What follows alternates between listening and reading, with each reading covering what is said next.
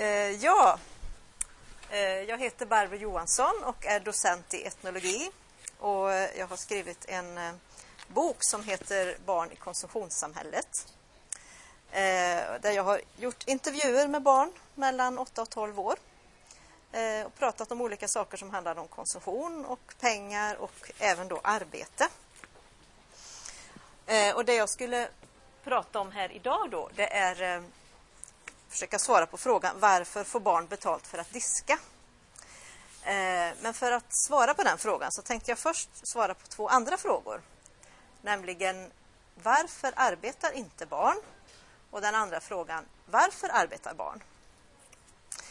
Eh, det är ju så att när vi hör ordet barnarbete då tänker vi på kanske eh, barn i Pakistan, Indien, Kina som sitter instängda 14 timmar per dygn och knyter mattor eller eh, gör leksaker till McDonalds eller syr fotbollar eller så.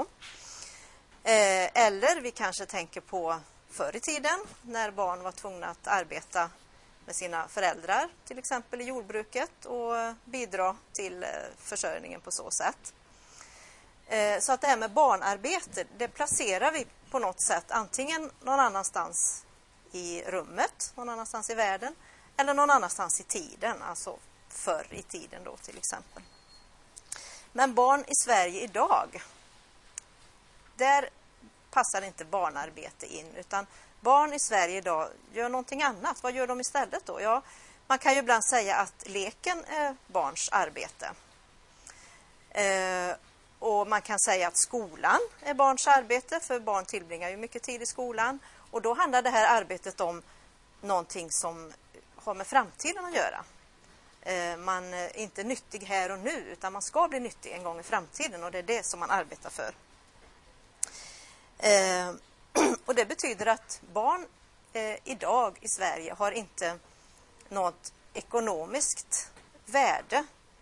Men däremot så har de ett väldigt stort känslomässigt värde. Man kan säga att barn är samtidigt totalt ekonomiskt onyttiga och oändligt känslomässigt värdefulla.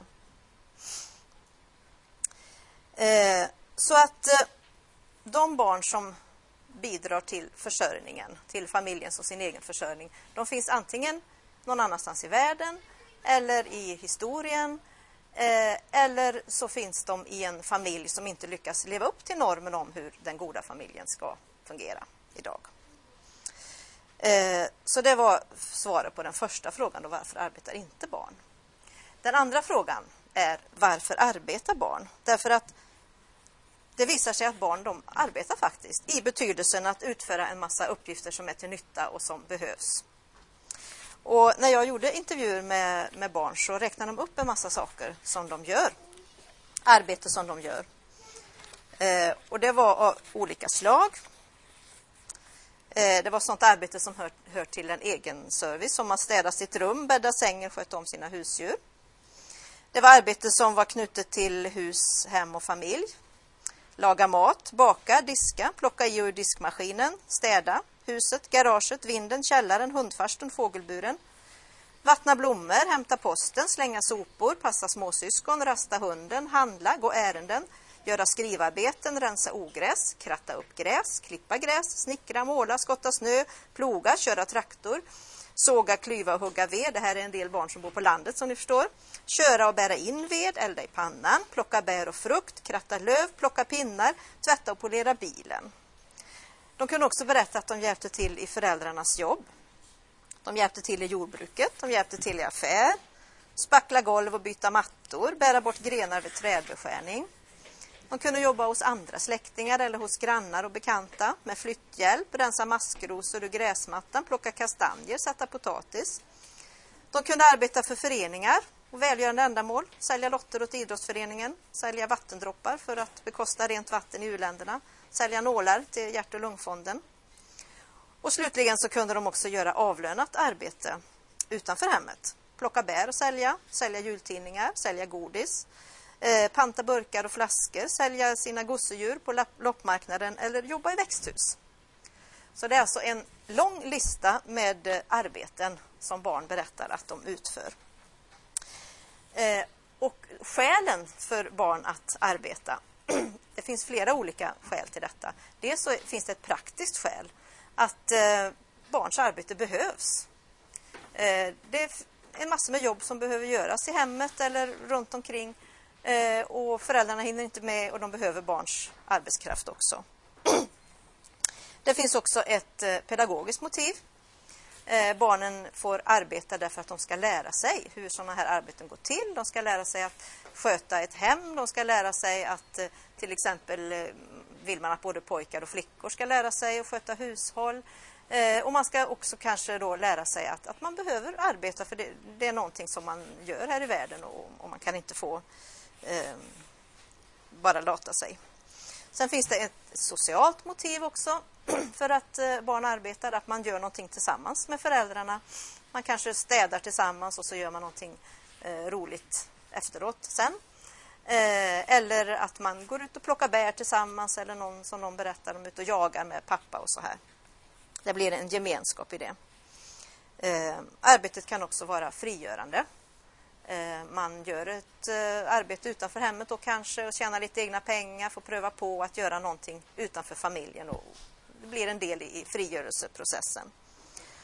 Eh, och slutligen så finns det också en samhällsnytta i det barn gör, att barn tillför någon nytta, inte bara till familjen och det som ska göras där, utan också till exempel genom att sälja saker för välgörande ändamål, dra in pengar till föreningar och, och så vidare. Eh, och när barn då får pengar för arbete, för det är inte alltid de får det, men när de får det så kan de här pengarna vara av olika slag. Det kan vara en sorts ackordslön eh, som innebär att varje arbetsuppgift har en, ett speciellt eh, pris. Att man får en viss summa för att städa rummet eller för att tvätta bilen eller klippa gräset till exempel. Det kan också vara en eh, veckolön eller en månadslön. Eh, alltså att barns fickpengar är knutna till att de ska göra vissa uppgifter, gör, utföra vissa arbeten där hemma. Eh, och sen finns det en annan typ av eh, eh, be, betalning som man kan likna vid individuell lönesättning.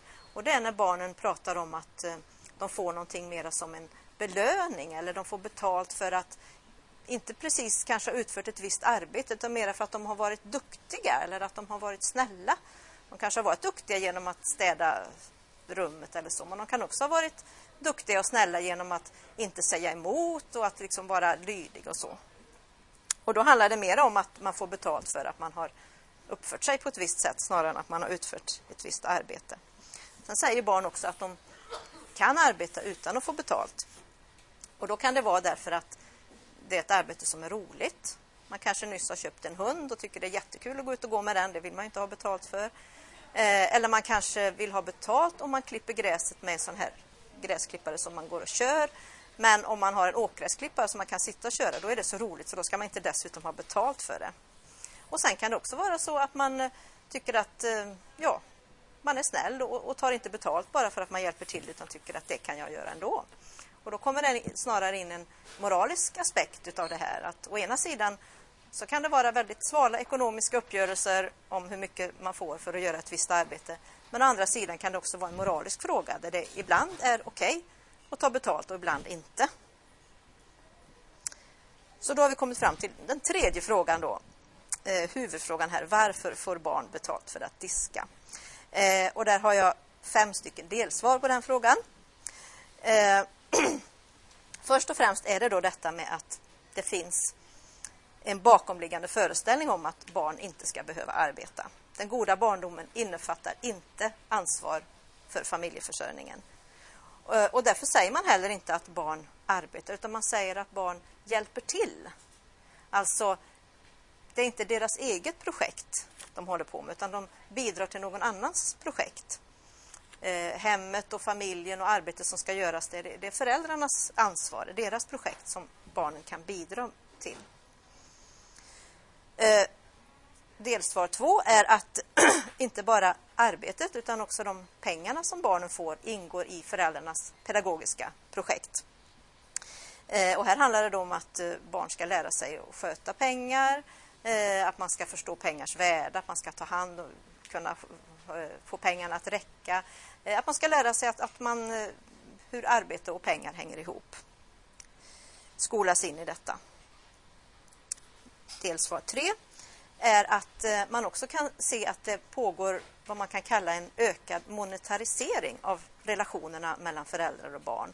Att mycket av kommunikationen och relationen handlar om pengar.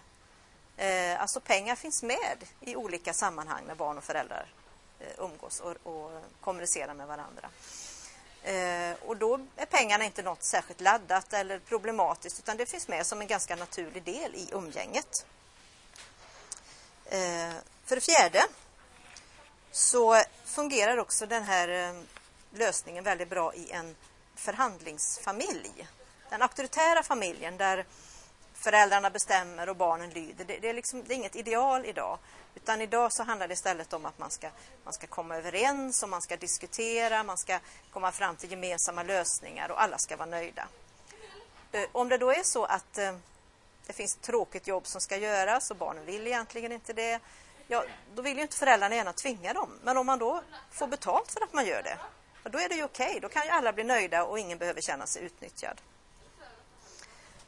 Och femte och slutligen då eh, så skulle jag vilja vrida till det ytterligare ett steg här och säga att de här pengarna som barnen får för att diska eller städa eller gå ut med hunden eh, legitimerar de vuxna i deras föräldraroll. Hjälper föräldrarna att fungera som goda föräldrar.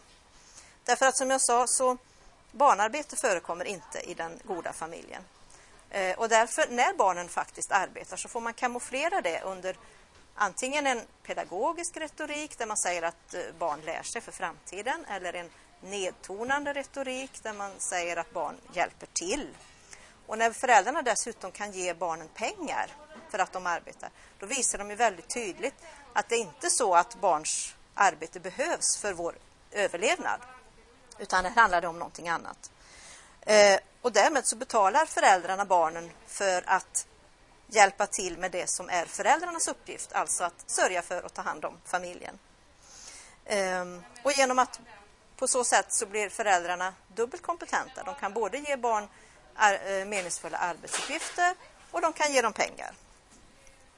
Så barns arbete behövs samtidigt som betydelsen av det här arbetet tonas ner för att passa in i en modern förståelse av familj, föräldraskap och barndom. Tack för mig.